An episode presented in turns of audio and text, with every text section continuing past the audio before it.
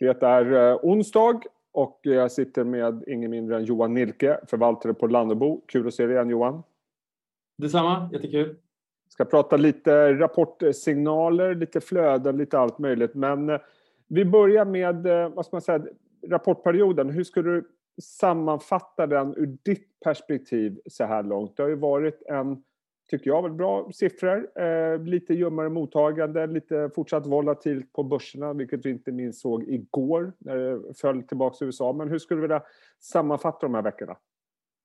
Nej, men alltså, rapporterna i sig är ju nästan så bra det kan bli. Alltså, det är ju eh, det är ju tidigare sett att marginaler har varit, eh, varit väldigt bra på grund av att man tar ner kostnader på grund av att man inte reser och andra, andra coronakopplade kostnader. Men nu såg man även topline komma upp på många bolag. Så att, alltså det var ju fantastiskt bra rapporter nästan över hela linjen, i varje fall inom det, de, våra områden. Men som sagt, som du säger, lite ljummet mottagande. Du får inte betalt riktigt för, för, en, för om du, du slår, eh, kommer in bättre än estimaten, men du straffas ganska hårt om du kommer in sämre. Det känns som att du behöver komma in rejält mycket bättre samtidigt som börsen den är ju lite sådär på helspänn kan jag känna. Ja, jag jämför någon, någon, nästan med den senaste tiden varit lite så här som, som när det är vindvrid på, på, på havet. Liksom. Att man, man vet inte riktigt var man är på väg och det fladdrar liksom i seglen och sen innan man skotar hem och väljer riktning så, så, så får tryck i seglen igen. Så, lite så det känns mm. liksom, på sista tiden. Och, och det, det, är ju inte så konstigt för det är väldigt många rör, rör, parametrar som är rörliga och osäkra, inte minst med pandemin, med komponentbrist och liknande och det här med ränteoron och, och, och så. Så att, så att bolagen i sig har ju till och med svårt att komma med prognoser eh, och många väljer att inte lämna några prognoser eh, just på grund av att det är en sån osäkerhet i, i, i de kommande kvartalen. Och då är också det här med, jag upplever det som att det är väldigt flödesstyrt. Vi har sett som sagt bolag som kommit in med väldigt starka rapporter men ändå har straffats. Och vi kan väl titta på den här äh, grafen som visar just hur det har sett ut i år mellan value och momentum. Det här har ju varit ett tema ända sedan Pfizer kom med sitt vaccinbesked i november. Men här ser man ju verkligen vad som styr börsen just nu. Ja, men vi har haft en jättelång period egentligen, tycker jag, med just flödesstyrd eh, utveckling på börsen. Och det, det är mycket prat om, om just teman eller geografier eller sektorer. Men, eller framför allt är det ju teman eller faktorer som på den här på den här grafen då att vi har haft momentum som har egentligen varit under en längre, längre period varit det, den bästa, bästa eh, taktiken liksom på, på, på börsen. Men sen i år då började vi se att value kommer tillbaka och både growth och momentum får, eh, får backa till, har backat tillbaka. Men sen har vi sett det där skifta igen. Så vi har sett rotationer fram och tillbaka i takt med att det här med, med ränte och, eller inflationsoro och ränteoron, räntehöjningar eh, är på tapeten. Så det här har liksom skiftat fram och tillbaka och det är väl lite det som vi pratade om alldeles nyss, just det här, var är vi på väg? Och, och, en annan sak som mitt intryck när jag pratar med förvaltare de senaste veckorna det är att om jag ska generalisera, det är så att de knappt har tid att läsa rapporterna för de enda de har tid att läsa just nu det är alla IPO-prospekt som kommer ut. Det är liksom ett tryck som de knappt har sett tidigare. Håller du med om det? Ja, jag, jag, har inte varit med om, jag har inte varit med om det tidigare. Det är ett otroligt tryck och det kommer in väldigt många IPOer och man undrar nästan lite grann hur, hur hinner ECM eh, liksom firmorna med där att, att verkligen göra en DD på alla de här som kommer in. Och det kommer in mindre bolag till eh, First North och, och Euronext Growth i Norge. Och, och det är väl frågan om, om det kanske är helt sunt med, med det trycket på så pass många små bolag samtidigt. Eh, och om alla de här egentligen är börsfähiga. Men, men vi, ja. vad, är, vad är din känsla när du läser de här prospekten? Känner du att det har smugit sig in lite mera vad ska man säga, sämre kvalitet för att eh, uttrycka sig Ja, och jag vill vara tydlig med att jag, vi älskar ju när det kommer nya bolag till börsen, så det är inte det. Eh, vi vill hinna med och, och titta på alla bolag som kommer och det försöker vi göra. Och vi har en slide på alla våra förvaltarmöten här som mm. med alla processer som vi tittar på just nu och teckensnittet på den där det blir bara mindre och mindre och mindre. det är väldigt många just nu. Nej, men, men, men jag, jag, man ska väl ta, lite, liksom vara lite mer noggrann när man tittar på, på, eh, på de här just nu som kommer ut eh, och se, se verkligen, för det, det går ganska snabbt och, och det är ibland lite bristfällig eh, information och, och, eh, kring de här. Så att jag tycker man ska vara lite, lite försiktig. Och dessutom då avslutningsvis innan vi går in på att prata rapportsignaler så har vi den här klassiska säsongsläget som vi är inne i nu. Det här klassiska uttrycket sell in May och om man tittar på den här grafen så ser det ut som att det är så man ska agera. Det kanske skapar ännu ja, alltså, på börsen. Ja, men det här, är, det här är någonting som egentligen det är en gammal liksom, eh, sanning eller en gammal statistik som visar då att ja, men, jag vet inte om det är så många som verkligen följer den, men, men det visar ändå att vi har den sämsta utvecklingen på börsen i maj. Eh, egentligen historiskt och det här visar väl sedan 50-talet om jag minns, minns rätt. Och, och, eh, det kan ju ha olika förklaringar eh, kring det här, men det, det, en förklaring är att det ska vara ett skattetryck, i, eller man ska betala in skatten i, i USA under den här månaden som många säljer av där och det kapital, eh, capital gain-skatten och det kan ju vara ganska stort tryck på det i år. Ehm, men man har också sett historiskt liksom att första utflödesmånaden på, på åren är oftast i maj. Mm. Eh, sen vet jag inte hur mycket man ska lägga in i det här. Men det är mer en rolig anekdot att ha med ja, sig. Det kan vara med att ta med. Så, så kan det ju vara så nu i pandemins tecken också när vi vaccinerar oss. Eh, det, det blir, öppnar upp fler och fler marknader. Vi kommer väl komma in på det lite senare. Men men just att folk kanske kommer konsumera mer snarare än att spara eh, kommande tiden. Liksom. Eh, men det får vi se.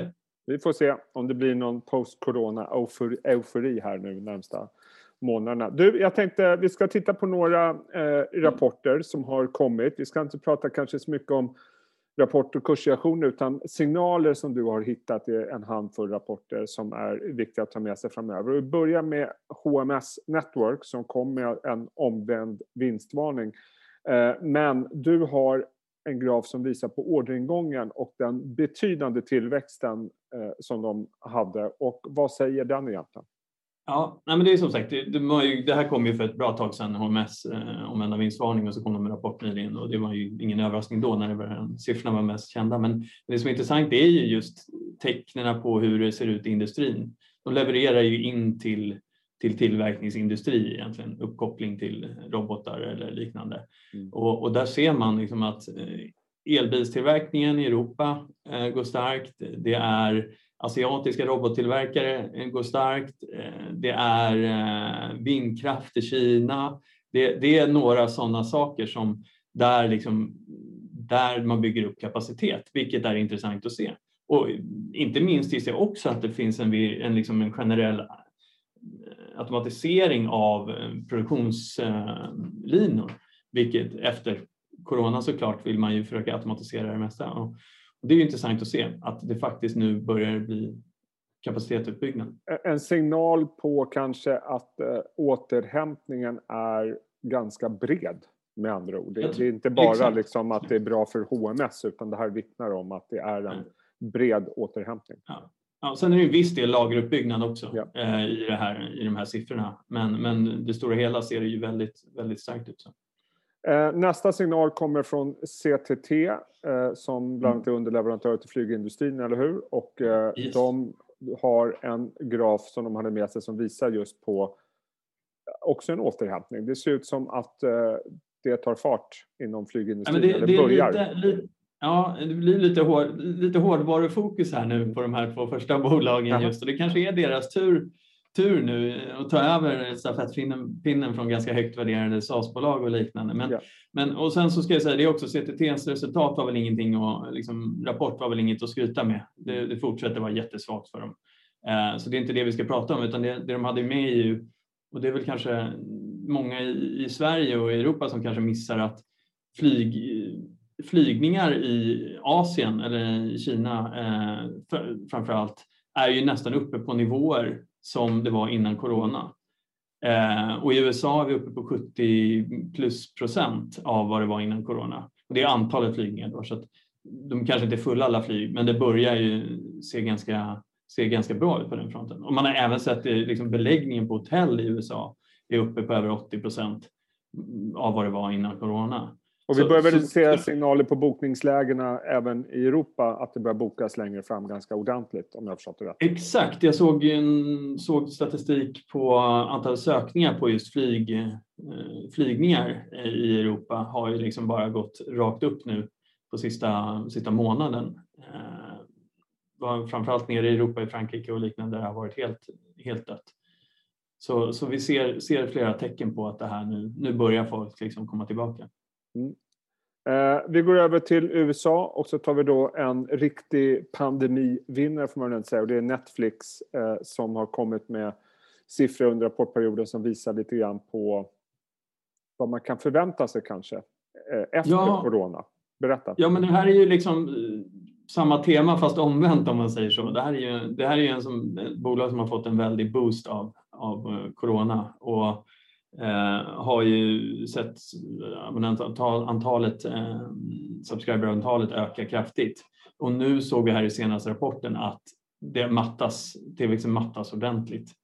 Eh, och vi har sålt av den sista lilla skärvan eh, Netflix vi, vi eh, hade och tycker vi liksom att ja, men dels har du konkurrensen från Disney Plus och andra aktörer blir ganska stor. Man har svårt att producera, producera innehåll under corona eh, plus att människor, eller tittare har ju, man, man har tittat på det mesta, eh, abonnenter har tittat på det mesta eh, just nu så att man blir lite kanske lite fatig. Vad ska vi göra nu? Ja, plus att det börjar öppna upp så folk, ja men nu kanske det är dags att umgås. Så vi känner väl lite grann att, och den värderingen eh, som det har varit ändå så har vi, har vi successivt tagit ner och nu är den, nu är den faktiskt helt ute.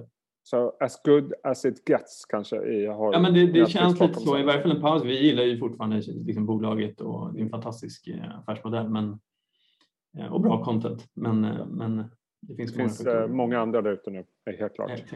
Eh, vi avslutar med en annan positiv signal och kanske framförallt för om man tar bolag som Alphabet, Amazon, Facebook och det är att annonseringen börjar komma tillbaka inom eh, e-tjänster.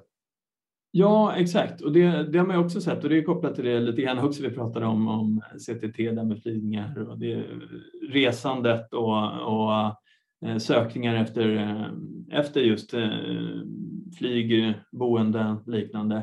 Och där har ju Alphabet gynnats med, med sin söktjänst Google då, som, där vi har sett en otrolig ökning i annonseringen.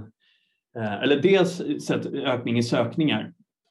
Det, när folk ska gå ut nu och börja besöka restauranger eller butiker eller vad man nu gör så vill man söka och kolla om det är öppet och då använder man Google och det gynnar dem. Plus att annonsörer då för fysiska butiker eller vad nu produkter eller eh, resor och liknande ökar också. Mm. Eh, jag vet inte om man har tänkt på det, men det, man ser väldigt mycket mer reklam och eh, annonser för resor nu på sistone i sina flöden. Och det här gynnar ju också Google för att priserna på annonserna går upp i och med att konkurrensen om platserna ökar. Och det här gynnar även då Facebook och till viss del Amazon också.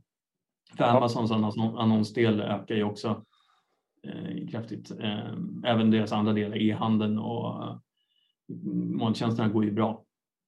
Så signaler om att vi närmar oss en, någon form av normalisering helt klart i, i många av de här graferna.